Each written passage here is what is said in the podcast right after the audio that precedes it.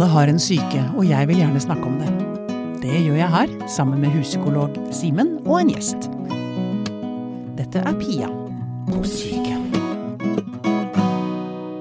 Du Simen, eh, kjenner du på frykt noen gang? Ja, jeg er da et levende menneske, så da Ja. kjenner jeg på frykt. Sant? Det tror jeg er et grunnpremiss Ja. I livet. Er det noe som du tenker er, er, Hva er liksom din største frykt, tenker du? Er det sånn edderkopp eller eh, høyder eller Um, nei, altså, jeg er ikke så glad i slanger, men hvem er vel det? Men jeg tror den største frykten min er sånn å Jeg skulle miste hukommelsen. Er Ah. kanskje det skumleste jeg kan se for meg. Å ikke kunne stole på seg sjøl, og ikke helt vite hvem man er og sånn, men samtidig Ja. være i den samme kroppen. Det er eh, Det merker jeg at være- jeg gjerne går i en annen retning, men jeg beveger meg inn dit. Filmen Memento skremte livet av deg, med andre ord. Hvis du har sett den. Ja da, den Ja. så jeg altfor tidlig. For den, den hadde vi på eh, Var det VHS? Nei, det kan ikke ha vært det. Ja, Nei, som jeg så hjemme da jeg var sjuk, eh, husker jeg, så jeg så den veldig tidlig. Ja. Men for jeg tenker også, eller vi, vi skal snakke mer om dette, men du er jo norgesmester i fridykking. Se der, ja. Jeg har vært nede på 53 meter, og jeg bare, når jeg begynner å tenke på det, så får jeg sånn derre Ja, det er mange som gjør det ved å tenke på det. Ja. Mhm. Eh, vil du si noe kort mer om det, eller? Eh, ja, det er jo Jeg ser jo referansen, da, til, eh, Eh, til frykt. Mm, Og det å eh, bli kjent med, med den, og kunne stå i den. Ja. Det mm, er ikke Det å dykke ned til 50 meter er ikke så skremmende som man eh, kan tenke seg, selv uten luft, fordi det er en veldig, veldig gradvis prosess. ja, ikke sant. I motsetning til å hoppe, seg, hoppe basehopp, liksom. Ja. Rett Mm. og slett. Nå vet du ikke helt hvordan den prosessen er, men der er det mye du ikke kontrollerer sjøl, da. Men i denne, denne sporten som jeg har drevet mye med, så er det ekstrem gradvis uh, utvikling. Én og én meter, så det kjennes ikke brått på den måten. Nei. Men uh, klart, man kjenner jo på et eh, Det er mørkt og, og kaldt og, Ja. og skummelt. Dette skal vi dykke Oi. dypere ned i Klir, klir i eh, en senere episode. Um, den kommer. Vi skal ha eh, hans makker Alexander Nordahl, fotograf. Eh, Din makker, ja. Nå surrer jeg meg bort. Det skal jeg slutte med. Mm. Vi skal snakke mer om dette i en senere episode. Nå skal vi konsentrere oss om gjesten vi har fått i studio i dag. Velkommen hit, Erik Bertrand Larsen. Tusen takk. Du har også forholdt deg en del til frykt, vil jeg tro. Ja, jeg tror det, det er helt uunngåelig for oss alle. Ja. Ja. Men jeg tenker eh, Du som har vært i krigen. Altså, du har jo virkelig kjent på dødsangst, skulle jeg tro. ja, jeg har jo vært ordentlig, ordentlig redd noen ganger. Absolutt. Mm. Mm. Og så har du vært på en ganske heftig reise de siste årene. Ja. Du har falt på flere Altså du Én ting er å falle, altså hoppe i fallskjerm og ta det fallet, men du, du falt også ganske tungt og langt. Når var det forresten at fallet Når var det store fallet ditt? Ja, det er From en lang grace. prosess på en måte, men jeg følte jo at jeg bånda eh, en eller annen gang rundt eh, rehabiliteringssenter i slutten av 2017. 2017, ja. Ja. Og det er ikke lenger siden. Jeg har liksom Ja, ok. 2017. Nei, det er fire år siden. tre år siden. Da. Ja. Mm. Og nå er du ute med boken din 'Mental rehab fem steg til en fantastisk hverdag'. Ja, Og du har egen podkast. ja det er, det er, eh, jeg jobber litt annerledes nå enn før, men eh, ja, det var jo veldig spent på den boka, om jeg skulle tørre å gi den ut, og på hvilken måte jeg skulle gi den ut, hva jeg skulle skrive, og, men nå har, den, nå har den kommet ut, da. Så det, Hvordan føles det? og jeg har kjent mye på det, eh, og jeg, senest i dag så tenkte jeg at det var Ja, det er, det er liksom flere faser. Altså jeg, når jeg skrev den, så var det på en måte litt vondt og var, Jeg tror kanskje det verste var å skrive det. Um, og hva jeg skulle tørre på en måte å, å dele. Mm. Hvor mye har du delt, da? Sånn prosent, Jeg- ja, anslagsvis? det er et godt- Det er et veldig godt spørsmål. fordi at jeg, jeg snakket med Skal jeg holde igjen nå? Hva skal jeg eventuelt holde tilbake? Bla, bla, bla. Um, jeg snakket faktisk med en som som har uh, stått fram tidligere, for mange mange år siden, som kokainmisbruker. Og så snakket jeg med han om dette her, om jeg skulle gå ut med denne historien, og på hvilken måte. Og han ga meg et veldig godt råd, tror jeg. For han sa at hvis du forteller historien din, så fortell det verste av det verste. Ja. Fortell at hvor ille det var. Sånn at ikke noen i ettertid kan si at det var mye verre, eller nå har han øh, pynta på det, på en måte. Mm. Så da bestemte jeg meg for at hvis jeg skal gjøre det, da skal jeg fortelle om det mest patetiske og teite og dumme jeg gjorde i forbindelse med rus, da. Hva var det, da? Nei, det, var, det er den episoden i boken hvor jeg skriver at jeg kutta meg over øyet. Um, Mm. Og sa at jeg hadde vondt i hjertet. Um, Ja. men det var egentlig Så kom sykebilen. Ja, for, men jeg, jeg må bare jeg, jeg har lest boka di, Mm. Eh, men jeg husker ikke helt hva oppløpet til den episoden var. Jeg husker at du kutta deg over øyet og ringte etter hjelp. Men Mm. hvorfor, hvorfor kutta du deg igjen? Du, det var piller du, For det, det var pillemisbruk som var din Det var din uh... Ja, det var smertestillende. eh, Som hvor forløpet på en måte er en lang historie, da, men det, er jo, det, det begynte jo med en ja, Det er mange fasetter og mange faktorer her, men det begynte jo med en bil Unnskyld, det begynte med en bilulykke på midten av 90-tallet, mm. hvor jeg fikk mye vondt i nakke og hode. Uh, og det var mange år etter det at jeg hadde ikke noe misbruk, jeg hadde kontroll på en måte på det. Uh, men uh, i 2011, 12, 13, 14 Jeg vet ikke når dette her gikk fra på en måte at det var under kontrollerte former til Det tror jeg ingen vet, holdt på å si, som har eh, Men på et eller annet sted der så var det skjæringspunkt hvor jeg eh, begynte å misbruke det. Mm. Hvor jeg, tok, eh, hvor jeg tok mer og mer piller. Jeg måtte ta mer og mer for å få en effekt av det. Mm. Men jeg tok mer og mer egentlig for å takle hverdagen, på en måte, tror jeg. Eh, og så etter hvert så ble det jo såpass ille at jeg eh, Det rakna liksom, liksom på flere arenaer i livet samtidig, følte jeg. Mm. Um, jeg følte ikke at jeg gjorde en god nok jobb. Jeg tapte masse penger i, i butikken min. Um, jeg følte ikke at jeg var god nok pappa, for jeg måtte jobbe mye for å tjene inn de tapte pengene. Mm. Eh, Jeg følte ikke jeg strakk til i ekteskapet. Eh, ja, jeg fikk en del kritikk i media. Det var, så det, det, ble, det ble bare at veldig mye skjedde på uh, samtidig. Mm. Eh, og da, hadde, da ble de pillene litt sånn safe haven for meg. At jeg i hvert fall fikk roa meg og slappet av, og jeg fikk sove og Mm. fikk en pustepause, på en måte. Mm. Det er vel ikke uvanlig det, Simen, at når det først begynner å rak- altså, Denne rakningen Erik beskriver, det er vel ganske vanlig, egentlig. At når det begynner å gå galt på ett punkt i livet, i hvert fall hvis man Ja, det kan vi komme tilbake Ja. men, men det, er- det er ikke uvanlig. seg, ja. At det baller, ja, men at når først én ting begynner å gå galt, Mm. så kompenserer man kanskje med noe annet, og så Nettopp, ikke sant. Sånn som man beskriver med Ja, så måtte jeg jobbe mye, og så får du dårlig samvittighet for at du er lite hjemme, og så gjør det kanskje at du fungerer dårligere på jobb igjen, da, fordi da skulle du ønske du var mer hjemme, og så virkelig baller det på seg. Mm. Og så kommer misbruk, da, om det er alkohol eller Ja. smertestillende eller Og rusen er jo mange, mangefasettert, og rusens funksjon kan jo være mange. Mm. Men for deg så høres det ut som at det var eh, den roen, da. Du fikk Ja, den eh, tok meg pause. ned, da. Mm. Nedadrusende, ikke sant. Det å få ro og det slipper. Riktig. Det er det alkohol kan gjøre for meg. Ja, for jeg følte at da slapp det, det jeg løy litt til meg selv på, var at dette er jo et fysiologisk problem. Jeg har vondt i hode og nakke. Mm. Derfor må jeg Men Mm. eh, etter hvert så erkjente jeg jo at nei, det er det å finne den roen som var greia, da. Mm. At jeg endelig kunne slippe eh, å tenke og gruble og føle at jeg ikke var bra nok. Mm. Kanskje lett å rettferdiggjøre når det er reseptbelagt medisiner og ikke ulovlig og Det er, jeg lurer på om det er lettere å ruse seg på, ruse seg på medisiner enn det er egentlig på alkohol. For jeg kan Jeg, jeg sa at jeg Altså Måten jeg medisinerer meg med, på, med alkohol, for det vet jeg at jeg gjør innimellom, Mm. det er for å roe meg ned. Mm.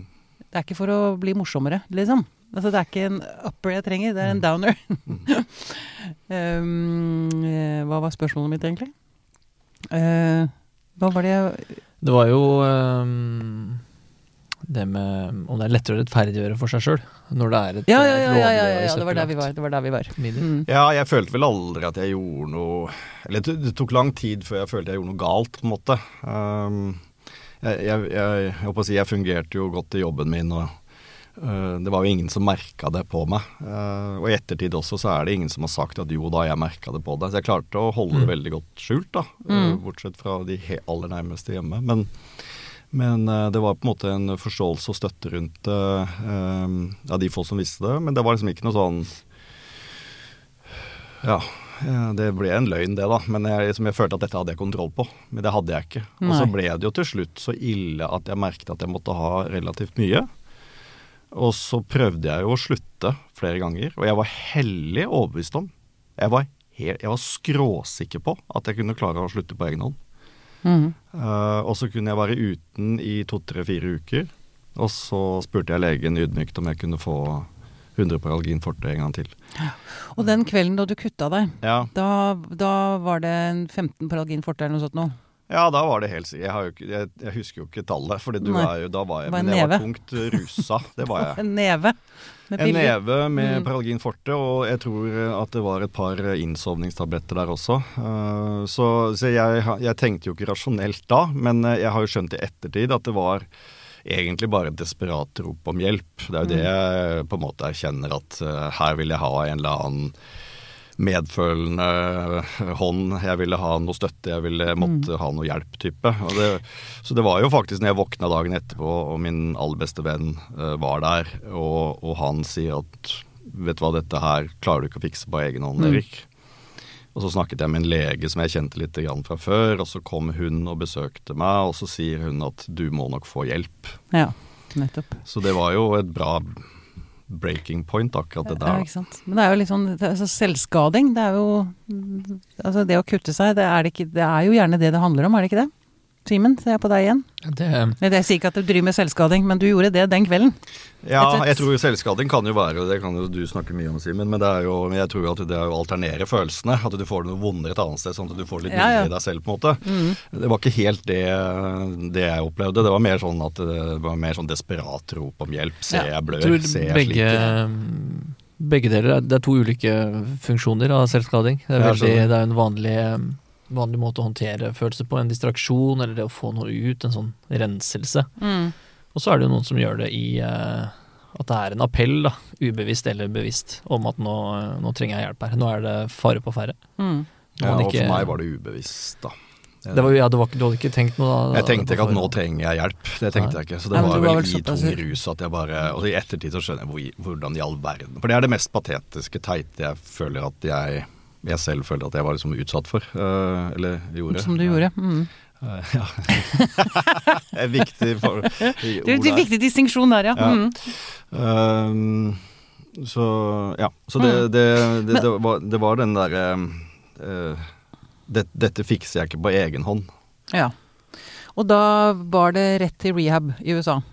Ja, litt uh, fram og tilbake. Jeg snakket med arbeidsgiver og fortalte at jeg hadde et problem. Og, og um, um, jeg sa det vel til et par nære venner og denne legen som var fantastisk for meg. Og så, og så ville jeg bare langt vekk. Det var faktisk legen som hjalp meg å finne et sted. Um, jeg, jeg sa at jeg ville egentlig ikke være i Norge. Jeg, har- jeg har lyst til å komme meg langt, langt Egentlig hadde jeg lyst til å flykte fra hele verden, på en måte. Mm. Jeg hadde bare lyst til å starte på nytt. Mm. uh, Jeg kjenner, kjenner igjen den. Jeg har vært borti den der sjøl. så da ble det USA, ja. Mm.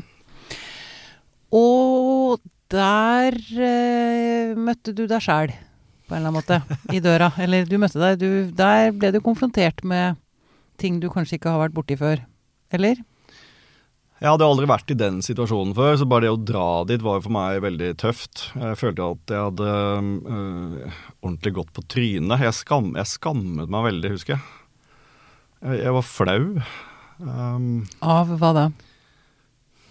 Over? å havne i en sånn situasjon. At jeg kunne Miste bli, miste ja, bli rusmisbruker. At jeg måtte på rehab. At jeg Mm. måtte liksom så dypt for å Ja, og kanskje få hjelp. Jeg, for meg var Fordi, det, der men det må ha vært ekstra sterkt for deg, som er Så du fløy jo veldig høyt. Mentaltrener for liksom toppen av Norge. mm. Eh, og så fiksa ikke du det sjæl.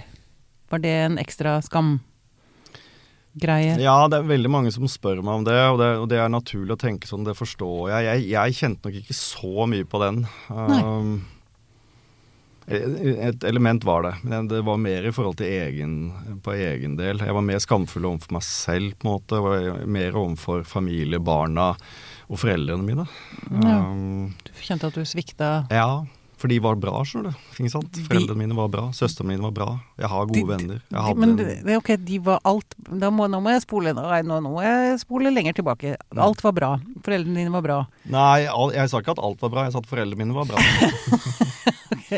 Fordi du skriver jo også om at du opplevde en veldig stor ensomhet i barndommen. Det gjorde jeg. Mhm. Men det hadde kanskje ikke med foreldrene dine å gjøre? Nei, tvert imot. Altså, foreldrene mine skapte en trygg og god base. Og hadde jeg ikke hatt den, da, da hadde nok livet vært eh, ordentlig tøft. Alt blir jo relativt, men i forhold til meg selv, da, så syns jeg at eh, det var tøft å gå på skolen. Um, Mm. Uh, og alt blir relativt der òg. Jeg tror veldig mange opplever mobbing og erting og en, uh, perioder av at det er utfordrende som barn og ungdom. Mm. Eh, men jeg, jeg var ganske mye alene, eh, og jeg ble litt erta og litt mobba. Og jeg ble valgt på, sist på fotballaget, og jeg Mm. skarra på r-en fordi jeg lærte å prate på Vestlandet, og mor skarrer fordi hun er fra Haugesund. Og Mm. jeg ble ikke invitert til alle bursdagene, og jeg Mm. følte meg utafor. Jeg hevda meg ikke noe verken fysisk eller sosialt var jeg kanskje litt utrent. da. Jeg flytta mye som barn. Mm. Så, Det gjorde jeg òg for øvrig. Jeg kjenner meg igjen i det. Mm. så, så, så det var jo det var jo Jeg var mye på gutterommet. Jeg var, og jeg, var, jeg leste mye bøker. Og, og det var på en måte mine venner, var jo de jeg ble kjent med gjennom bøkene mine. Mm. Hvilke bøker var det? Har de jeg guttene? elsket sånn historien om bøkene, hvis du husker Ja. den serien. Vagt. Uh, mm. Det var om Marco Polo og Columbus. Ja, ja, ja, ja. Akkurat. Nettopp. Og så var jeg veldig opptatt av eh, eventyrere som ja, Magellan og Nansen og Amundsen og Marco Mm. Polo. og Jeg var helt oppslukt. tøffe karer, da. Ja, jeg hadde Ikke sant. Du er jo inne på et element der i forhold til at uh, de jeg så opp til i familien, de var, de var noen tøffinger, da. Far, far var en tøffing. Ja, det var, for det er neste spørsmålet mitt. Mm. Det er, ikke sant? Jeg tenker jo når man blir Det var fallskjermjeger du var? Ja. Ja. Da, da ser jeg for meg en veldig streng far. På en eller annen måte, eller en, en veldig krevende far, eller et eller annet. Altså, liksom, du må bevise at du er knallhard, liksom. Det er kanskje min Ja, jeg tror jo Far var aldri pushy. Han, han ville ikke at jeg skulle inn i Han, han syntes det var helt øh, Han syntes det var realt at jeg skulle ta befalsskole. Mm. uh, men han var faktisk litt skeptisk, kritisk til at jeg skulle fortsette i Forsvaret. Ja. Uh, men det var nok mer det at jeg så opp til far uten at han gjorde noe med det. Han- Han var aldri pushy. Nei. Øh, men jeg så veldig opp til at han var en tøffing. Eh, Ja. Det var han. Han var, en, eh, han var stor og sterk, og han tok i et tak, og han jobba hardt. Og, og han var en god roer som ung. Eh, Ja. Han var på veldig høyt nivå der. Mm. Så jeg så vel bare opp til han på en måte. Men, men det jeg har skjønt i ettertid, er jo at han og jeg er veldig forskjellig satt sammen. Mm. Altså personlig. Forskjellig temperament. Mm. Ja, jeg er mye mer følsom. Jeg er uh, var. Jeg, eh, jeg er um, sensitiv. Jeg er Altså, Og da blir det problematisk når du, du får den forestillingen om at det er sånn jeg vil være. helt Og så er det litt mer sammensatt, men så får vi bare nesten finne opp en versjon av oss sjøl. For jeg skal være Jo, sånn er jeg. Ja. Og så Ja, lever du livet ditt uh, som om det er sånn du er. Og skal fylle det bildet som man har skapt i huet, liksom. Ja, rett og slett. et. Det må Og det jo gå godt. um, som jeg syns beskrives fint, er jo den uh, at det med å bli stilt krav til av foreldre og sånt, det er jo ofte noe som ikke blir gjort uh, eksplisitt, eller noe som de egentlig heller gjør i seg sjøl, men en sånn kultur som blir uh, som blir rådende, da. Hvis man, Mm. uh, hvordan man snakker om seg sjøl og yrkeslivet sitt. Hvordan man kan snakke om seg sjøl når man er sliten eller deppa Mm. eller uh, motløs eller noe sånt. Hvis man bare ikke gjør det, så legges det jo noen implisitte spilleregler. Ja, og ikke Selv om, minst det- selv om man ikke får en lusing hver gang man uh, sutrer, så legges det på en måte noen uh, litt mer implisitt, da. Det er sånn som- litt det du har kjent på. Ja, og jeg vil jo ikke på en måte bebreide far et sekund. Uh, tvert imot. Eh, men, eh, men det var nok litt sånn en rollemodell jeg så opp til.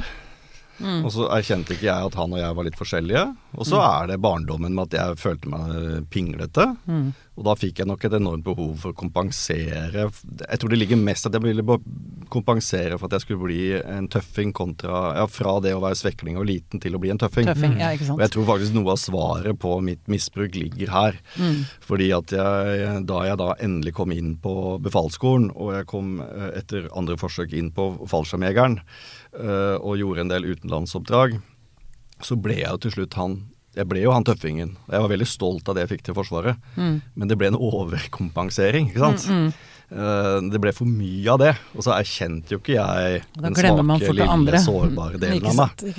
Og det var det jeg tror på en måte jeg gikk på akkord med over veldig mange år, da. Ja. Og da kommer dette her med coachingen og hvem jeg på en måte fremsto som mentaltrener Ja. inn, absolutt. Ja. Eh, jeg, bare, jeg bare komme på noe apropos hvordan foreldre, eller hvordan barn tar etter sine foreldre. Eh, Dette med en mor som står foran speilet og med en ny kjole og sier foran sin lille datter 'Å, så feit jeg er'. Ikke sant? Det er jo en, en indirekte måte å fortelle barna at 'oi, det er altså ikke lov', eller Ja, For at du skal være en god person, så må du være tynn. må du ikke, sant, Ja. ikke sant. Men så har jeg lyst til å spørre deg, Simen, om dette med Jeg vet jo at dere i Akerselva-psykologene, dere har jo en del sånne grupper med menn. Altså det å, det å få Altså mm, det er vel en opplest og vedtatt sannhet på gruppenivå at menn har verre for å snakke om ting som dette enn kvinner har. Altså at det, er, sitter litt lenger inne. Det er litt vanskeligere å Ja, komme forbi tøffe, altså det tøffe ytre, da, som Erik beskriver veldig ja da, for, for mange er jo det tilfellet. Jeg tror også det er, sann- det er en, blitt en litt sånn klisjé også, som jeg tror har uh, brutt litt opp uh, den uh, siste den siste generasjonen, da, for å si det sånn. Jeg tror det er ganske mange menn som har et mer pragmatisk syn på å snakke om følelser og kunne være litt sårbar og, Ja. og ha mer fleksibilitet i det. Ja. Jeg tror de yngre, den yngre generasjonen, Ja, tenker jeg. og i gruppene våre der hvor jeg jobber, ja, vi har en, vi har en eh, samtalegruppe som er åpen. Og der er det både menn eh, og kvinner, og det er, det er ikke en eh, mannegruppe det, men vi ser at det er interesse også eh, fra menn. Mm. Så der er det, ja det er litt over halvparten er eh, menn i den gruppa, men det, Mm. det er ikke noen mannegruppe den, eh, Nei, nei. den Men, gruppa. nei. Men det er eh, Dere har henvendt dere ganske til menn. Jeg har bare sett reklame. At dere har eh, Ja, det er også en annen eh, gruppe som er eh, for menn i, eh, i forhold med eh, Som er pårørende til psykisk uhelse. Ja. ja, Ja. ja. For jeg tenker at du, Erik, gjør jo Du gjør en god jobb her, tenker jeg, med å åpne døra for øh, menn, på en eller annen måte. At det kanskje er lettere jeg holdt på å, si, å forholde seg til deg enn til meg. Altså, fordi jeg Mhm. snakker om psyken. Altså, skjønner du hvor jeg vil hen? Ja, jeg, At, jeg vil at si takk. jenter skal liksom takk. De er så følsomt, det skal være så innmari nært og bla, bla.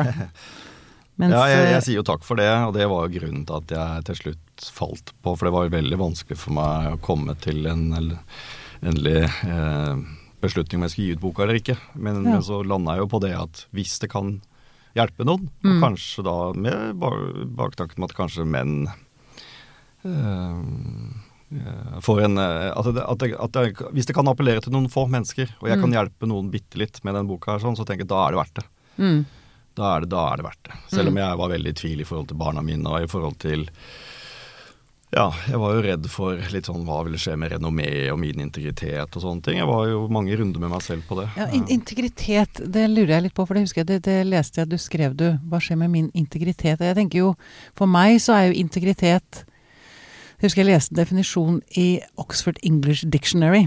Og det, altså definisjonen der, en gammel dictionary, var Jeg tror det var openness, uprightness, soundness og honesty. Det er integritet, det er definisjonen av integritet. Så hvordan kunne du da miste integriteten, lurer jeg på? Altså ved Nei, jeg skulle ha lest den definisjonen. Ja, men integritet for meg handler jo om nettopp å være sann. Om det var et element i Jeg tror jeg tok rett beslutning. Uh, og, og, men det jeg var i tvil om, var jo uh, Ville de som var kritiske til meg, bli enda mer kritiske? Uh, vil, det, vil det bli mye sånn 'hva var det vi sa', eller Ja, um, um, eh, Hvem er han å lytte til når han ikke klarer å ta vare på seg selv engang? han, ja. Men hva, hva, nei, det husker jeg. Hva hva, kritikken? Hva gikk kritikken på av Nei, deg? det er jo ymse, men, jeg har, men det er jo litt sånn Jeg tror nok det er litt sånn gjengs at når man stikker hodet sitt fram, så får man også en del kritikk. Og det var ikke jeg forberedt på når jeg var, da jeg var coach. Nei. Um, eller når, da jeg begynte med coaching, så, så hadde jo jeg rene intensjoner med det. Jeg ville jo bare inspirere folk. Mm. Uh, Det har vel noe med at du jobba med toppidrettsutøvere og topp altså det var, det, Du, du Ja, sikta høyt, liksom. Jeg sikta jo høyt, og, og det var på en måte Det ble jo skrevet en god del om suksessen min. Mm. uh, og det ble jo også en del private ting. Og så ble jo det her sausa litt sammen med jobb og hvem jeg er som person og sånne ting. Og det var for så vidt helt bevisst fra min side. Jeg hadde jo lyst til å bygge et brand, og jeg hadde lyst Jeg bestemte meg jo jeg bestemte meg for å prøve å leve av dette her, og da tenkte jeg at jeg må prøve å få et navn. Mm. Og da vil jeg kanskje få nok kunder, for du skal ikke regne lenge på å skjønne at hvis du skal leve av å spare med folk, så må du ha mange kunder. Mm. Uh, og de må liksom komme jevnt og trutt. Mm. Og jeg hadde en drøm om å kunne leve av dette her, og da valgte jeg. Og jeg hadde kanskje valgt annerledes i dag hvis jeg hadde visst at jeg på en måte fikk det til. Men, eh, men så valgte jeg å prøve å få et navn, og da stakk jeg hodet fram. Mm. Og når man stikker hodet fram, og det ble jo at jeg spilte på den litt sånn tøffe fallskjermjegeren som sa nå er det bare å gønne på. Mm. Uh, Det var for så vidt et markedsføringsmessig strategisk valg jeg hadde. Mm. Uh, Og de som ble kjent med meg gjennom samtaler, skjønte at det er litt mer nyansert enn som så. Ja. Men, men da fikk jeg også en del kritikk. Og det var psykologer og presidenten i Psykologforbundet og jeg var i såkalt debatt på, hos Torp på Dagsrevyen. Ah, sier du det? Hva? Sier du det? Ja, ja. Og han anbefalte meg å ikke folk kunne bli skada av å lese bøkene mine. Det var ikke måte på. Å, Så det, var, eh, så det var jo en del sånn. Og så plukka jeg opp via via at noen uh, syntes at, eh, at jeg var litt eh, så mye sånn eller sånn. Og det, men, og det var for meg litt sånn jeg, eh, nå, Fornuften i meg på en måte skjønner jo at når man stikker hodet fram, så, så kan man også risikere for kritikk. Men jeg, for meg, jeg ble tatt litt på senga på det, for jeg følte jeg hadde bare, jeg hadde bare lyst til å hjelpe folk. ja, nettopp. Eh, Så, så Men har, hva sånn... har du sånn- lært av det? Eller nå, du stikker jo huet frem igjen nå, Mm. og du risikerer jo å få suksess igjen nå. Jeg har vel lært at, eh, jeg har vel lært at det å kalle suksess, da, eller det å stikke hodet fram, betyr det er uunngåelig at du får eh, litt pepper, og at noen ikke liker deg. Det er en del av reisen. Mm. Så du er bedre forberedt? Jeg er bedre forberedt. Og mer robust, Eh, kanskje? Ja. Og jeg, jeg vet det kommer, og forventninger styrer mye av følelseslivet vårt. Så, men, ja, Mm. ja, da må jeg også Jeg må bare beklage at jeg avbrøt deg nå, men nei, nei. eh, tåler du det nå da hvis du ikke får suksess? Ja, det er vanskelig å svare bastant på det. Jeg, jeg tror jeg, jeg er nok mindre redd. Jeg er mindre redd i dag. Mm. Jeg er mindre redd for om jeg, jeg Men hadde du spurt meg for ti år siden er du redd for ikke lykkes, jeg vil prøve, jeg. Mm. Jeg er ikke så opptatt av om jeg kommer dit eller dit. Det er sånn som jeg sier til Men hva hvis du liksom ender opp som en sånn helt middels passe mm, coach som Det finnes jo mange coacher der ute. Ja, det er jeg ikke så redd for. Fordi det, men det jeg er redd for, det er å stå på slutten av karriere og si at jeg ikke prøvde. Ja. Det er jeg livredd for. Ja. Og det gjelder livet mitt generelt. Jeg, jeg, jeg er redd for, jeg slåss for at jeg ikke sier at det var helt greit. Mm. Uh, mm. Mm. Nei, for det er bare sant? Du- Det er noe med at du, du, du kommuniserer eller, mm, Det jeg husker av deg før, da, det Ja. er at du skal være best. Altså, og det merker jeg at det, det plager meg litt. Hvorfor skal jeg altså, trenger, Jeg trenger ikke å være best. Altså, jeg trenger ikke å være perfect. Jeg trenger ikke å være Nei, men da har du ikke lest mye av det jeg har skrevet. Nei, det har du helt rett i. Så, så det er klart, en, en forside på en bok, så kan man jo tolke den på mange måter. Men jeg har jo aldri forfektet at alle skal bli best, det blir jo for dumt. Men at vi alle kan bli en litt bedre utgave av oss selv, og at det er en prosess, og at man kan Mm. bli mer bevisst, og at vi hele tiden kan lære. Det tror jeg på. Det, Ja. det, men det er jo på en måte litt selvfølgelig. Men, bli, men, men jeg brenner for å, å Hvis jeg kunne få noen flere til å bli mer bevisst på hvordan de lever, og om de, hvordan de eventuelt kan heve standarden eller kvaliteten. Men jeg er jo veldig for Altså, det som, det som, det som det som gjorde at jeg startet med dette her, er jo at jeg, jeg forstår jo at veldig mange Og det er sånn må det kanskje være, men veldig mange mennesker ender jo opp med å konkludere at livet var helt greit. Mm. De fleste gjør det. Mm. Og det, det inspirerer meg til å tenke at åh, tenk, tenk så vidunderlig det hadde vært om flere kunne si at det har vært helt fantastisk. Mm. For vi har tross alt bare én reise, ett liv. Mm. Og jeg tror at veldig mange kan få et fantastisk liv. Jeg tror egentlig utgangspunktet at alle mennesker kan få et fantastisk liv. For de som inspirerte meg mest, er jo med de med dårligst utgangspunkt. De med Ja. dårligst forutsetninger. Men det er, da må man definere hva er et fantastisk liv, og det er nok der det jeg er ute etter. Fordi dette Altså hvis man må bli toppleder eller toppidrettsutøver eller altså Det er vel der det skjærer seg litt. Ja, men det blir jo ko-ko. ikke sant? Det er jo, det er jo ikke sånn at jeg forfekter at alle skal Nei, bli jeg sier ikke at du forfekter det, men, men det er liksom Men det, det man kan plukke opp, da. At, Ja, fordi ja da. det er de du jobber med, ikke sant? At Ja, det det- den- den du sikter jo høyt, ikke sant? Ja da, jeg ser den. Øh, Men jeg er veldig glad for at veldig mange av de flinke, øh, dyktige, ressurssterke har lyst til å spare med meg. Men jeg har jo sparet med alle typer mennesker. Mm. Øh, nei, det det, er vel, det er vel det der at vi alle kan bli en litt bedre utgave av oss selv, da. Det er det som er poenget. Det, det skal jeg ikke krangle på. Og, og, men, men du berører noe som er utrolig viktig, og det er at hva er et fantastisk liv, eller hva Nettopp. er suksess? Nettopp. Det er der jeg på en måte også bli veldig engasjert, fordi at uh, nå har jeg hatt gleden av å ha 10 000 samtaler da, de siste 15 årene omtrent. Mm. Og du møter utrolig mange mennesker da. Mm.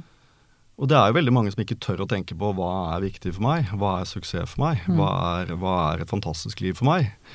Uh, og det er ikke så lett uh, å finne ut av det, men eh, det å tørre å tenke på det tror jeg har en enorm verdi. Å snakke med noen der ute, om det er profesjonelle eller om det er en god venn eller en god bestefar, men å tørre å tenke på hva er et godt liv for meg. Hva er det som ikke funker i livet mitt i dag? Ja, for Mm. vi dras jo så lett mot å vi, vi lar oss forlede i veldig stor grad, tror jeg, da. Mm. Spesielt den unge generasjonen i dag. Hva er suksess? Hvis du ser Mm. på sosiale medier en uke eller måned, så tror jeg mange kan bli forledet og tro at suksess er dette og dette og dette. Mm. Men det er veldig mange som har grått på kontoret mitt, som er i en alder 50, 60, 70, 80 år, som erkjenner at vet du hva, jeg har aldri stoppet opp, jeg, og vurdert underveis hva er viktig for meg, hva er et godt liv for meg, hva er suksess for meg. Og, og hvis jeg kan bidra bitte litt med bøkene eller foredragene mine på å få, få folk til å tørre å tenke på det, så er det noe av det jeg er engasjerer det, meg i. det er det som er din drivkraft. Ja. Ja. Og da, at du står best, jo- så er det den beste utgaven du kan bli, gitt forutsetninga. Mm. Så da er det jo en diskusjon om liksom nesten ordbruk, da. Men det høres ut som at eh, jeg, tror det er mange, mange psykologer som kjenner det lugger i magen. Nå snakker du om selvforbedring og skulle forbedre livet sitt, og fordi eh, da snakker jeg for min egen del, da, så, så er jo veldig mange av uh, møtet med mine pasienter handler jo uh, i bunn og grunn om uh, aksept. Og det å nettopp kunne slippe en kamp, kanskje, Mm. eller et jag, om å skulle bli noe som kanskje ikke er uh, realistisk, eller strengt tatt nødvendig. Eh, liksom som vi snakket om med disse kulturene eller eh, forbildene som eh, blir befestet i en, i en barndom, et eller annet jag som man ikke har helt et erkjent forhold til nødvendigvis, men bare må bli et eller annet. Et eller annet litt bedre. Men det å kunne mm, finne i en ro, da, at man kanskje er ganske middelmådig på en del ting, som statistisk sett de fleste er. Og det å kunne finne en, ja, en ro i det, da. Slippe kampen, slippe motstanden og, og, og forsvarene mot denne Ja, og, angsten som kommer om ikke føle seg bra nok. Og slippe å dekke det til, ikke sant. Ja. Hvis man vokser opp da, og, og blir av en eller annen grunn opplever at man ikke er god nok, og sliter med mye skam og selvkritikk og sånn. Så istedenfor å dekke over det med eh, forsvarsmekanismer, altså mestre, bli vellykket, vakrest, finest klær, at man da heller våger å gå inn i det vonde. Ja. Er det jeg Det har i hvert fall vært min strategi, da, i mitt Jeg har jo hatt mine runder med Mm. bipolaritet og ma- maniske, altså mye skam og mye Altså jeg Men det er jo ikke mot uh, Det går jo ikke mot det du uh, sier, egentlig, Erik, om å kunne ta noen runder og finne ut hva som er viktig for deg, og da ta noen grep i eget liv. Men noen ganger vil jo de grepene være å slippe en kamp, da. Slippe Mm. Ja, og, og det er overraskende nok kanskje for deg, men det er jeg helt enig i. Ja, det tviler jeg ikke på. Men det er det som kanskje blir den eh, falske liksom, eh, konfliktfronten, da. At man ser for seg Ja, du det, skal det, stå det tror jeg. ja. Jeg tror noe av den konflikten jeg har opplevd er litt ut ifra det. Men da, da har man Men eh, da tenker jeg at da må vi ta en ordentlig prat, altså se om vi egentlig er så uenige. Ja. Men det er jo noe med inngangen til det, da, ikke sant. Så, så, og ordbruk, som du er inne på, Mm. eh, som blir eh, avgjørende. Men det er jo veldig ofte at jeg sammen med den jeg sparer med, erkjenner at vi må tørre å slippe opp, og at godt nok er godt nok. Um, mm. Eh, og at vi må gå inn i de Ja, være i det, ikke sant, istedenfor å hele tiden jage på noe. Uh, så det, så det er eh, Vi er nok ganske enige. Og så er det jo, og så er det jo at jeg jobber jo aldri med mennesker som uh, sliter voldsomt eller er syke. Altså Mm. Jeg vil nok si at alle er syke, men ok. Mm. jeg vil vel si at vi alle er mentalt syke, men ja, ok. ja, jeg skjønner litt hva du mener. Men det er Mm. sånn, jeg, jeg har vært veldig obs på at hvis jeg føler at her er det noe sykdom, Farlig. eller altså, her er det noe litt sånn Mm. mer alvorlig, eller så, så har nok jeg fått tillit av mange ved at jeg sier at jeg tror du må spare med en psykolog. Eh, Mm. gjerne i tillegg til meg, men, og det er mange psykologer som har hatt et samarbeid med meg, og det er til og med psykologer som har kommet til meg og, og vil bruke meg som coach. Mm. Eh, så, så det er nok mer sånn nyansert eh, enn en, kanskje den markedsføringsmessige har kommet ut, da. Ja. ja da, og det er det jo alltid. Altså overskrifter, man må aldri stole på overskriftene. Og ingressene, liksom. Og Psykologer, Men- men- men psykologer har- er overraskende hissige også. Sånne, Ja, det er I sånne Facebook-fora og sånn. Du skal ikke stikke huet ditt så veldig langt opp før det Kanskje fordi faget er såpass usikkert og uh, ofte abstrakt, så føler man seg trua når noen uh, snakker som om de har svarene. Og da skal de Da må de jekkes litt ned. Ja. Det, må jeg si har overrasket meg, i hvert fall. at jeg Ja. inn i Man skulle liksom tro at psykologer var de varmeste, mest inkluderende, mest oh, ja. er- rause. Det, det er ikke nødvendigvis tilfellet rundt lunsjbordene. Nei. Nei. nei. Nei, vet du, det eneste jeg Altså, jeg, jeg, det er jo Psykologer er som alle andre yrker. Det fins jo de som er både det ene og det andre. Men det jeg, det jeg har tenkt noen ganger, er jo at øh, det er ikke noe eksakt vitenskap. Så liksom noen psykologer kan nok kanskje tenke seg om to takter i forhold til at hvis det er bare de som har lov til å mene noe om hvordan vi skal leve livene våre, eh, da, da, da er vi litt sånn ute og sykler, mener jeg. da, For at hvor mange har ikke fått hjelp av en bestefar eller en god Ja, venninne? ja, ja, ja, ja. Eller hvor mye har ikke musikken til eh, Bruce Springsteen hjulpet, eller Mm. altså dikt Altså vi, vi Mm. lar jo oss eh, vi, vi må jo få lov til å, å bidra til å hjelpe Og det er jo det er helt ulike innfallsvinkler. En som uh, har et uh, uh, har et psykisk problem og trenger en eh, trenger en psykolog eller en psykiater eller hjelp på et EPS, vil jo ikke ringe deg og be om eh, coaching, tror jeg. Og da er det jo i hvert fall fint å høre at hvis de gjør det, så blir de sendt, eh, ja. sendt videre. Og det um, det må, da, det må da være greit. Altså, Kasper uh, Ruud kan ikke stå og undre seg over hvorfor det er viktig for han å få til denne serven. Han trenger en annen innfallsvinkel, og han trenger en coaching for å bli bedre. Han trenger ikke å stille de store spørsmålene og eh, akseptere at han er som han er og sånn. Det er jo en, eh, Noen trenger noe annet, Mm. og det er faktisk to forskjellige ting, og det må da være greit. Mm. Ja, jeg, jeg tror jo det. Ja. Mm. Og så er det jo psykologer som også kan hjelpe Kasper Ruud. Altså men, eh, men jeg beveger meg aldri inn i, i gråsonen, føler jeg. Nei, du går ikke inn i barndommen. Mm. Nei, du spør ikke om barndommen, Nei, liksom. jeg går aldri i fortid. Jeg kan spørre om reisen for å forstå litt hvem du er, men, Mm. men jeg driver aldri noe terapi, da. Nei, nettopp. Men eh, jeg har lyst til å gå snakke litt mer om dette med frykt. Um, fordi du skriver uh, altså Du snakker mye om å Er det kontrollere frykten du bruker? Som et uttrykk? Ja, det Demme opp for den innimellom, i hvert fall. Mm. Uh, jeg er veldig opptatt av frykt, for jeg tror det ødelegger veldig mange folks drømmer. Ja. Jeg tror vi kjenner på for mye frykt. på Og da snakker vi om frykt for å mislykkes, eller frykt for Åh, det er vanskelig tema, vet du. Men altså, vi mennesker kjenner jo på mye frykt i utgangspunktet, og det kan psykologen si mye om hvorfor. Men, det, men jeg tenker jo at mye må ligge fra evolusjonen her. mm. At vi har, vi har jo uh, Mye frykt for å Vi må ha frykt for å overleve. Riktig. Mm. Og så er jo mitt spørsmål trenger vi så mye frykt i dagens hverdag. Altså Det ligger jo latent instinktivt i oss fortsatt. Mm. Uh, Spørsmålet er trenger vi like mye frykt i dag enn for 10 000 år siden. Mm. Uh, Jeg har levd tett på naturen, jeg, i, i, i ulike sammenheng, og, og har kjent på kroppen hvor ubehagelig det er å leve tett på naturen. Mm. Og den, den, den frykten for ubehaget, for eksempel. um, Frykt for endring. Frykt for endring, Mm. ubehaget, Mm. eh, den er stor hos oss. Um, frykten for det ukjente, selvfølgelig. Uh, vi, så, og frykten for å miste flokken, uh, den sitter jo Den er, jo- preger oss voldsomt den dag i dag. Mm. Uh, så jeg syns Og det med er god grunn, holdt jeg på å si. Altså Ensomhet er jo et av de største problemene vi har. Absolutt. Ja. Så, så det, det ligger jo mye frykt. Og så Mm. er jo, men, så, men så er det jo Når jeg snakker med folk i dag, så er det jo Og det kjenner jo på for min egen del hver eneste dag at veldig mye av det jeg frykter, eh, kunne jeg Jeg skulle gjerne hatt litt mindre av den innimellom. jeg tror, ikke ut, jeg liksom tror ikke konsekvensene er så store. Altså jeg, jeg kan fortsatt bli redd før jeg går på scenen. Jeg kan Mm. kjenne på ubehag før jeg setter meg inn og prater med dere. Mm.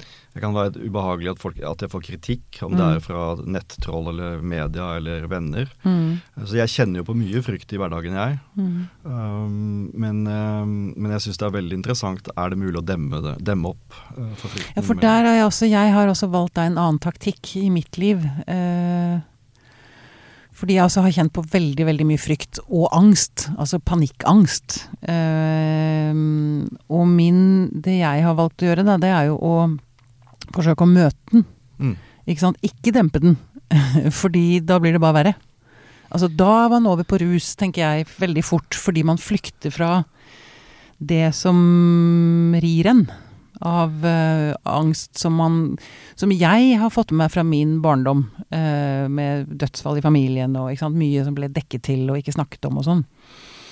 Uh, det er egentlig det der jeg lurer litt på. Hvordan, hvordan har du Altså um, Tenker du at du har møtt din frykt? Din store frykt fra barndommen, eller altså, jeg vet ikke.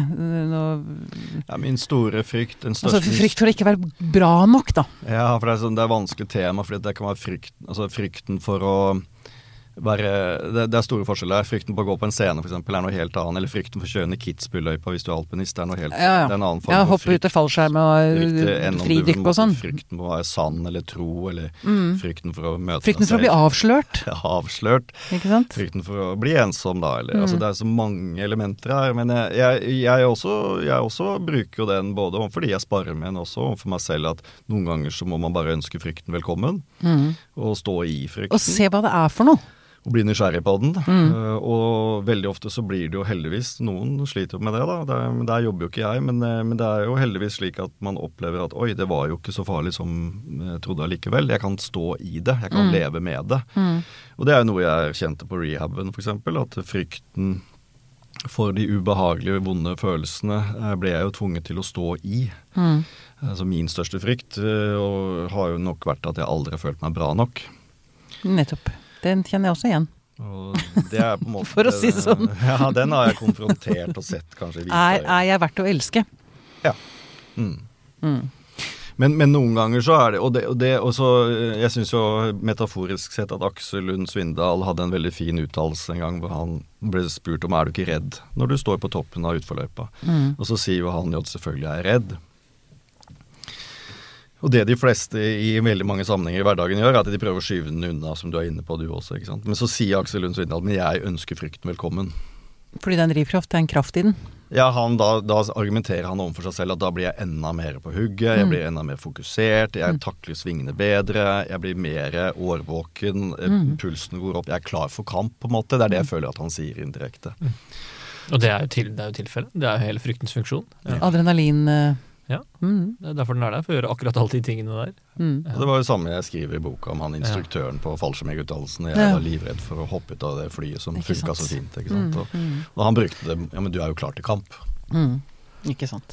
Men er det, ikke, er det ikke igjen her da et spørsmål om, uh, om semantikk, da? Er det, altså, fordi det, I utgangspunktet så høres det ut som dere har to helt forskjellige forhold til frykt og hvordan møte den. Mm. Men uh, du har jo en, en røffere ordbruk, da. Jeg må demme opp for den eller noe sånt, men du sier ja, man må Dykke ned i den. dykke ned i den, møte Mm. den. Ikke, Jo, den- jeg mener ikke, ikke det ikke snu seg vekk fra den, ikke ruse seg bort fra den. Da, for rus, ikke sant.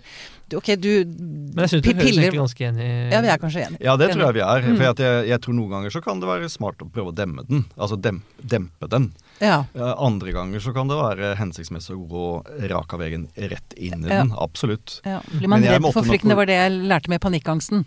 At frykten for angsten ble jo sterkere enn selve angsten. Ja. Ikke sant? Mm. Så det er noe med det. Ja. Ja. Nei, jeg tror ikke vi er uenige. Jeg bare tror at uh, det jeg kanskje utfordrer noen på, er at uh, du trenger ikke å gå rundt i hverdagen og være så fordømt redd. ikke sant? Og si at du, ja, skal du alltid gå all, all in i alle følelser, så blir jo det, Det, kanskje det blir litt krevende, det Men òg. det er jo at du dauer ikke av driter deg ut. Nei, så noen ganger så må vi kanskje bare være litt mer happy-go-lucky. Altså, jeg syns jo det er veldig sånn befriende med de menneskene som liksom ikke bekymrer seg mye om konsekvensene, men lever Mm. her og nå. Mm. Og, den, og da demler jo det opp for en potensiell frykt, da, tenker jeg. Eller Mm. at det, går du på scenen altså, Hvis noen er veldig redde for å holde presentasjoner, foredrag, taler, Mm. Skal man da kjenne på frykten? Nei, det Nei, går an å da, trene seg til å faktisk demme den opp, og Mm. lure seg selv til å liksom eksponere seg gradvis, og så til slutt så merker man at det var ikke så farlig likevel. Ja, ja, ja. Det er det du mener med demme opp. Det var jo egentlig det samme jeg gjorde når jeg Mm. jobba med panikkangsten. Nettopp. Møtte den. Eller altså dem, ja. Altså bare sto i det og så at Ja. ja. Ja, men da er vi jo enda Da er vi mer en- enige. enda mer enige. enig. Jeg er litt fascinert av dette med, med språkbruk og kultur og sånn, da, fordi jeg tror det er en eh, Du har jo mer maskulin ordbruk, rett og slett. Og det, mm, det eh, kan være provoserende, tror jeg. Mm.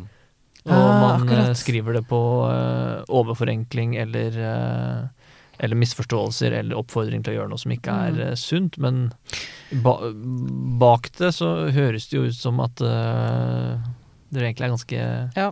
Enige, og at er- du også snakker om, om angst som en De fleste psykologer ville snakket om det. At det er noe man må eh, bør møte og eksponere når det er noe du er nødt til å møte. Men eh, at det også er jo fint å øve på teknikker for, eh, med oppmerksomhet, f.eks. For, eksempel, for å ikke skulle forverre det. Mm. Ikke gå inn ned i en sånn spiral. ja, ja. Så eh, ja, det, det slår meg at eh, Dette må vi tenke mer på, tror jeg. Ja, som kommer litt bak overskriftene, kanskje. Ja, Ja. igjen. Mm. Um, vi skal begynne å avslutte nå, Jeg blir jo litt glad når han sier det. Ja, Jeg er ærlig innrømme det. det er veldig hyggelig. Jeg har alltid veldig respekt for de som er faglig sterke på mitt område. Ja, jeg er jo selvlært. Ja. Uh, men, jeg har, uh, men, uh, men jeg elsker å lese om faget. Men Mm. veldig, jeg syns det er veldig godt når en psykolog sier at det er ikke så hyggelig, det du tror på, Erik. Kanskje vi ser et nytt samarbeid i emning her? Nei, men jeg syns det det er veldig hyggelig, for jeg har alltid hatt veldig respekt for, eh, for eh, Jeg har i mange år lurt på om jeg har lyst, burde egentlig studere psykologi. ikke Psykologi, sant? ja, ikke sant. Ikke Eh, sant. fordi at jeg brenner jo så voldsomt for faget. Altså, jeg har så lyst til å lære enda mer. Mm. Eh, Så blir jeg litt sår og lei meg når jeg liksom får kritikk fra den eh, akademiske verden. Ja, ikke sant? Og så tenker jeg at liksom, nei, men det er kanskje ikke så hyggelig likevel. Ikke akkurat dette, i hvert fall. Nå vet ikke jeg hvor mye, rart, Nei, rart, du, mye rart du hadde sagt ellers, det veit ikke jeg. Ja, men fordi det er en ting jeg lurer på også. Mm. Du skriver mot slutten av boka at nå, du har lært deg, du, har møtt, du har våget å være sårbar, og nå må du være mer til stede. Nå må jeg slutte, det, det, jeg må slutte å gønne på. Men så heter foredraget ditt Nei, det sier jeg vel ikke. Nei, ok, da skal jeg se sitatet ordentlig her. Ehm, ikke bare gønne på videre, Mm. må lande og være til stede. Ikke bare gønne på. Mm. Ikke bare gønne på videre. Men jeg, jeg står jo fortsatt på at vi må tørre å Vi må gønne på også. Fordi jeg har lyst til å si Jeg har lyst til å det, eh, Jeg har lyst til å si det Jeg ville heller valgt ordet Det er bare å grønne på, og det er rett og slett med utgangspunkt i Kermit. Som har en helt fantastisk sang som heter eh, Being Green. Den, den må du høre på. For Og han tar akkurat dette. Ja. Det er ikke så lett eh, av meg. Jeg vil heller være rød eller en stjerne eller glitrende. Men eh, nei, jeg er grønn. Men det får holde. Ja. Så du, du mener det er sånn paradoks, da, nesten? Fordi det, den gamle kompenseringen som du har kommet i kontakt med og, og har litt bedre oversikt over hvorfor du måtte bli så innmari tøff å gunne på, har du liksom kommet til eh, Kommet inn til og kan akseptere å se. Men allikevel skal du fortsette å be folk gunne på? Er det det du mener? Ja, det, det, det, jeg bare spurte på, Ja. eller lurte på hva du tenkte. Hva du tenker med det å gønne på. Altså at du kaller foredraget ditt Han burde heller sagt skal du ikke nå bare akseptere deg sjøl? Ja, ja, Eller- eller jeg, eller som jeg foreslår, da, grønne på. Ja. Ja, det blir litt for defensivt å bare si at det er greit. Liksom. Eh, Nei, gønne på har jo fått uh, jeg, jeg ønsker jo å overraske litt med det foredraget, da, hva jeg legger i å gønne på. Ikke sant? Så, um, jeg syns jo Og det, dette er jo ekstremt vanskelig å snakke på generelt grunnlag på, fordi det er så individuelt. Ikke sant? Det er derfor jeg syns det er farlig i utgangspunktet å skrive bok. Eller holde foredrag om dette temaet. For jeg liker jo best å ha samtaler én til én. Prøve å bli kjent med vedkommende og tilpasse samtalen slik at det, at det kommer noe vettugt ut av det. Stort eller smått. Mm. Og som regel er det smått. Fordi at skal vi endre oss, så må det gå sakte, men sikkert. Altså Vi klarer ikke å endre oss så veldig mye hvis det ikke er veldig smertelig, og hvis ikke det på en måte må gjøres noe som er voldsomt. da. Mm. Men endring tar jo tid. Og derfor tror jeg på små justeringer over tid. Og det, det støtter på en måte all forskning også, at hvis vi skal endre oss, så må vi være tålmodige. Og det er et, kanskje et par-tre skritt frem, og så går det litt sånn tilbake. Ja. Men at det er en sunn prosess å være til stede i sitt liv og prøve bevisst, det tror jeg på. Men å gønne på Har jeg lært noe? Ja. Skal jeg modifisere det litt? Ja, jeg står fortsatt for det jeg har skrevet i de tre foregående bøkene mine. Det er faktisk ikke noe jeg vil ta bort der, sånn. men at jeg har blitt litt klokere og vil legge på noe. Utvide litt. Utvide litt, Mm. absolutt. Ja. Og det håper jeg at jeg kan gjøre de neste 10 og 20 og 30 årene nå. Mm. Um, Ja, og det, jeg er jo helt enig. Altså, det er noe som en klok fyr sa til meg for mange år siden. Hvis du sitter på en spiker, hvem skal løfte ræva? mm. Det er vondt Altså, jeg mener, du, man må gjøre noe. Skal man Ja. Ja, altså, men, men, det, men det, er jo, det er jo der det kommer inn at jeg definerer jo aldri hva som er suksess for andre. Men jeg måtte henstille Nei, men jeg tenker på hvis, hvis man har det vondt i livet, liksom. Hvis man sitter fast i et liv og tenker Åh! Ja, og det er noen ganger så er det Altså, man er i noe vondt, da.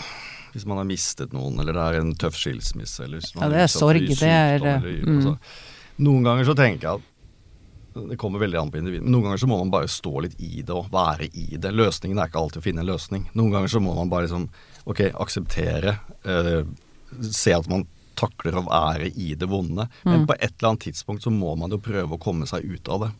Og Det er derfor jeg sier fem steg. altså Første steget er å, å gjøre en bitte, bitte liten justering. Mm. Kanskje kommer få en bitte litt bedre start på dagen. Da. Det kan være bra for noen. Mm. Få en bitte litt bedre start på dagen. Hva betyr det? Kanskje litt til stede med kaffekoppen, eller høre på litt musikk, eller om det er meditasjon, eller Mm. yoga, eller gå seg en tur, eller hva det nå Mm, enn er. mm. Og så handler det, og så sier jeg jo at det men, øh, Og så kunne neste steg være at du klarer en liten, liten til. Jeg har vært deprimert, jeg. Mm. Etter bilulykken i 95 så, så gikk jo jeg inn i en øh, mørke, jeg. Og var der i flere år, faktisk. To-tre år Mm. var jo jeg i en depressiv tilstand hvor jeg gikk til psykologer. Og det var, jo, det var jo løsningen var jo å ta noen små grep. Og det Nei. sa jo de på rehaben òg. Du skal begynne å re opp senga di. Men der må, jeg, der må jeg spørre deg om noe, for du skriver et eller annet om at Ja, ok, så klarer du kanskje bare løpe 3000 meter første dagen. 3000 meter! Hva med 100, liksom? Poenget er jo da like fullt. Jeg, jeg gir jo du penger, legger lista høyt, Jeg, da. nei, det, det skriver også at det går rundt huset. Så det er liksom Ja, Det kommer jo helt an på hvor du er. ja ikke sant. Men ett skritt av gangen er veldig, veldig eh, Det er, det er den derre Det husker jeg en, jeg hørte en psykolog si en gang. Altså, hvis, hvis skipet ditt har feil kurs Du skal ikke mange gradene, gradene justering til før du ender et helt annet sted. Mm. Å snu en tank, tankbåt, det da, er da kom jeg på en annen, et annet ord også, som jeg så bak på en avis for et par uker siden. At det, det hjelper ikke med vind i seilene hvis det er eh, full kamp om roret. Nei, ikke sant? Det er også Det er, det er mange bedrifter som kunne Det var en Ja, bedrift Enkeltpersoner òg. Enkeltpersoner òg, ja. Ja. ikke sant. Stå på og ta stilling. til Jeg var jo der.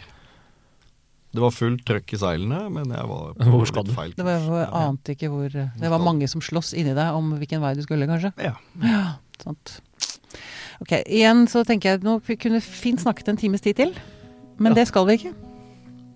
I dag. Kanskje neste gang. Vi kan sjekke inn eh, om et halvt års tid og se. Det var hyggelig, det. Det var kanskje det. Erik Bertrand Larsen, tusen takk for at du kom til oss. Det var veldig hyggelig å være her.